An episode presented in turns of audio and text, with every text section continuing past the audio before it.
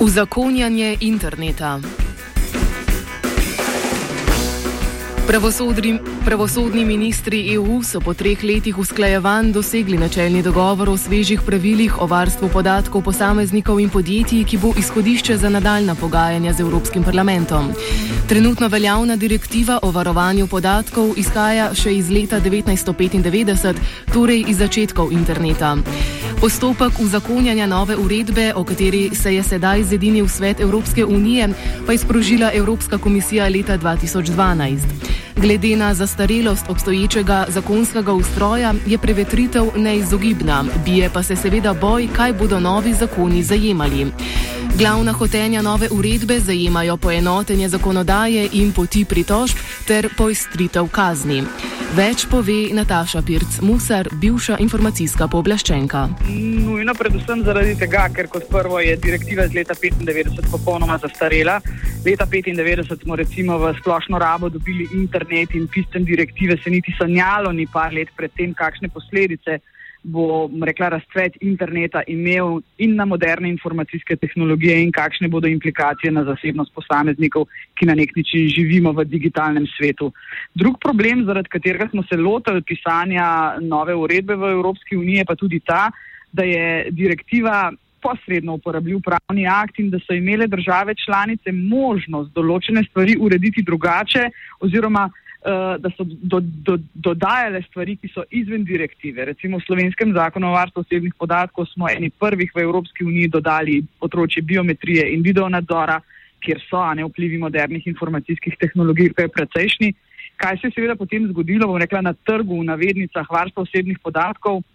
Zgodilo se je to, da so imele države članice precej različno urejena določena področja, eh, kajti direktiva je predpisala tisti nek minimum, ne, ki ga vse države članice morajo imeti. Kaj pa pomeni sprejemanje uredbe? Uredba je pa neposredno uporabljiv pravni akt, kar pomeni, da povsem identično do čisto vsakega člena velja enako za vse države članice. Zakaj je uredba tudi pomembna? Zaradi strategije, zaradi strategije, ki jo Evropska unija razvija ravno v teh mesecih, namreč enotni digitalni trg. Če želimo znotraj Evropske unije imeti enotni digitalni trg, mora seveda tudi zakonodaja z področja varstva osebnih podatkov slediti temu enotnemu reguliranju. In ja, če me vprašate, neizbežno je seveda sprejeti uredbo, ki bo veljala za vseh 28 držav članic. Irc Musar izpostavi, da je sprejemanje nove uredbe o varovanju podatkov tesno povezano z vzpostavitvijo enotnega digitalnega trga. Enotni digitalni trg pomeni, kako in na kakšen način lahko tisti, ki razvijajo start-upi, recimo, ne, in, in razvijalci aplikacij, kako lahko naredijo eno aplikacijo, ki bi zadostila rekla, zakonskim regulativnim zahtevam vseh 28 držav članic. Uh, v ozadju je recimo razvoj oblačnih storitev. Uh, in če zakonodaja na tem področju ni enotna, potem o enotnem digitalnem trgu seveda težko govorimo. Seveda, seveda. In potem je težko tudi ponujanje storitev za, ne, za nekega državljana ja, druge članice. Kot... Tako in potem ponujati nekaj posebej za Slovence, posebej za Čehe, posebej za Švede. To vse za seboj potegne enormno velike stroške. Enotni digitalni trg Evropske unije naj bi z vidika ekonomije uh, zmanjšal vrednost investicij v digitalne uh, tehnologije. Kje so največji interesi za poenotenje zakonodaje z področja varovanja osebnih podatkov? Nadaljuje Pirc Musar na strani industrije je seveda velik interes, da se uh, poenoti tudi zakonodaja z področja varstva osebnih podatkov. Uh, industrija bi si seveda želela, da bi bilo teh, bom rekla, ovir, ne spet v navednicah, čim manj. Uh, dejansko se Evropska komisija in seveda vsi varuhi zasebnosti zavedajo, da popuščati pri standardih, ki smo jih v Evropski uniji dosegli na področju varstva osebnih podatkov, uh, ni kar tako, ne, za vreči čez ramo in res, da bomo pa mi spustili. Uh, Eh, recimo eh, področje varstva osebnih podatkov do nekih uh, nivojev, ki ne ustrezajo vrednotam, ki smo jih v teh letih uh, dosegli.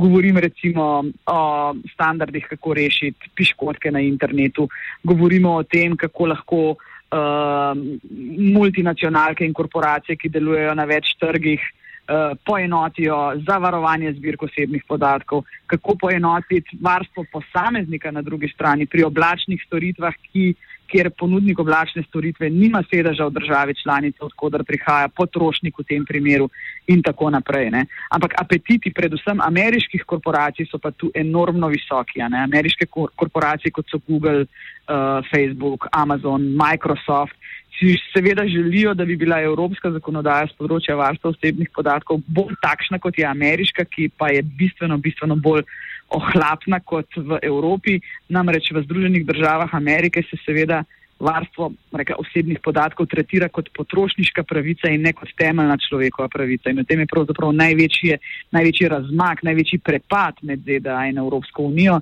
In lobisti teh velikih korporacij seveda želijo evropsko regulativo približati ameriški. To pa nikakor seveda ni interes evropskih varuhov zasebnosti, niti ne Evropske komisije. Se pa strahovita lobiranja dogaja v Evropskem parlamentu. Uredba je v prejšnjem sklicu, to vam lahko povem, doživela enega neslavnih rekordov in sicer je, mislim, da je to kar svetovni rekord, uh, doživela je 7500 amantmajev. Osnutek nove uredbe o varovanju osebnih podatkov zajema tudi ostrejše kazni. Google se je lahko samo nasmejal, če smo mu v Sloveniji lahko izrekli maksimalno kazen tja do milijona evrov ali pa 4500 evrov za en prekršek.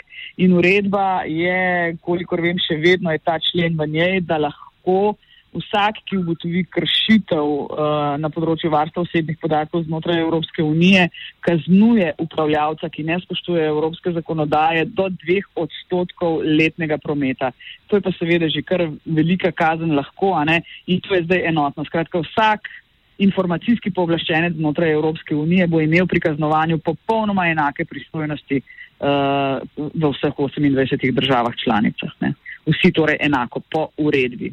Kar se tiče enotnega sistema za pritožbe, danes seveda sistem funkcionira tako, da posamezen informacijski pooblaščenec, ko ugotovi, da gre za kršitev za slovenskega državljana, upravljalec je pa v neki drugi državi članici, gre po, po tem nekem postopku medsebojne izmenjave med pooblaščenci in ta postopek je sila, sila počasen in, in uh, neefektiven. Ne? Zato je tukaj tudi uredba imela v smislu varstva posameznika vizijo, da bi se ta postopek poenostavil, da bi bile neke enotne vstopne točke, no, kjer bi se posamezniki lahko pritoževali in da se to z, nek, z nekim centralnimi napotki urejalo prek, preko tega Data Protection Boarda neki v zadju nastaja, ki bi imel sedež v Bruslu in ta bi koordiniral seveda potem inšpekcije v vseh državah članicah, če bi bilo potrebno. Kako bo eventualni sprejem uredbe vplival na Slovenijo? Bo domače standarde varovanja osebnih podatkov znižal ali zvišal? Je zagotovo pozitivno. Jaz se sicer za Slovenijo bojim, da bo uredba dala pooblaščencem manj pristojnosti, kot jih ima po sedaj veljavnem zakonu.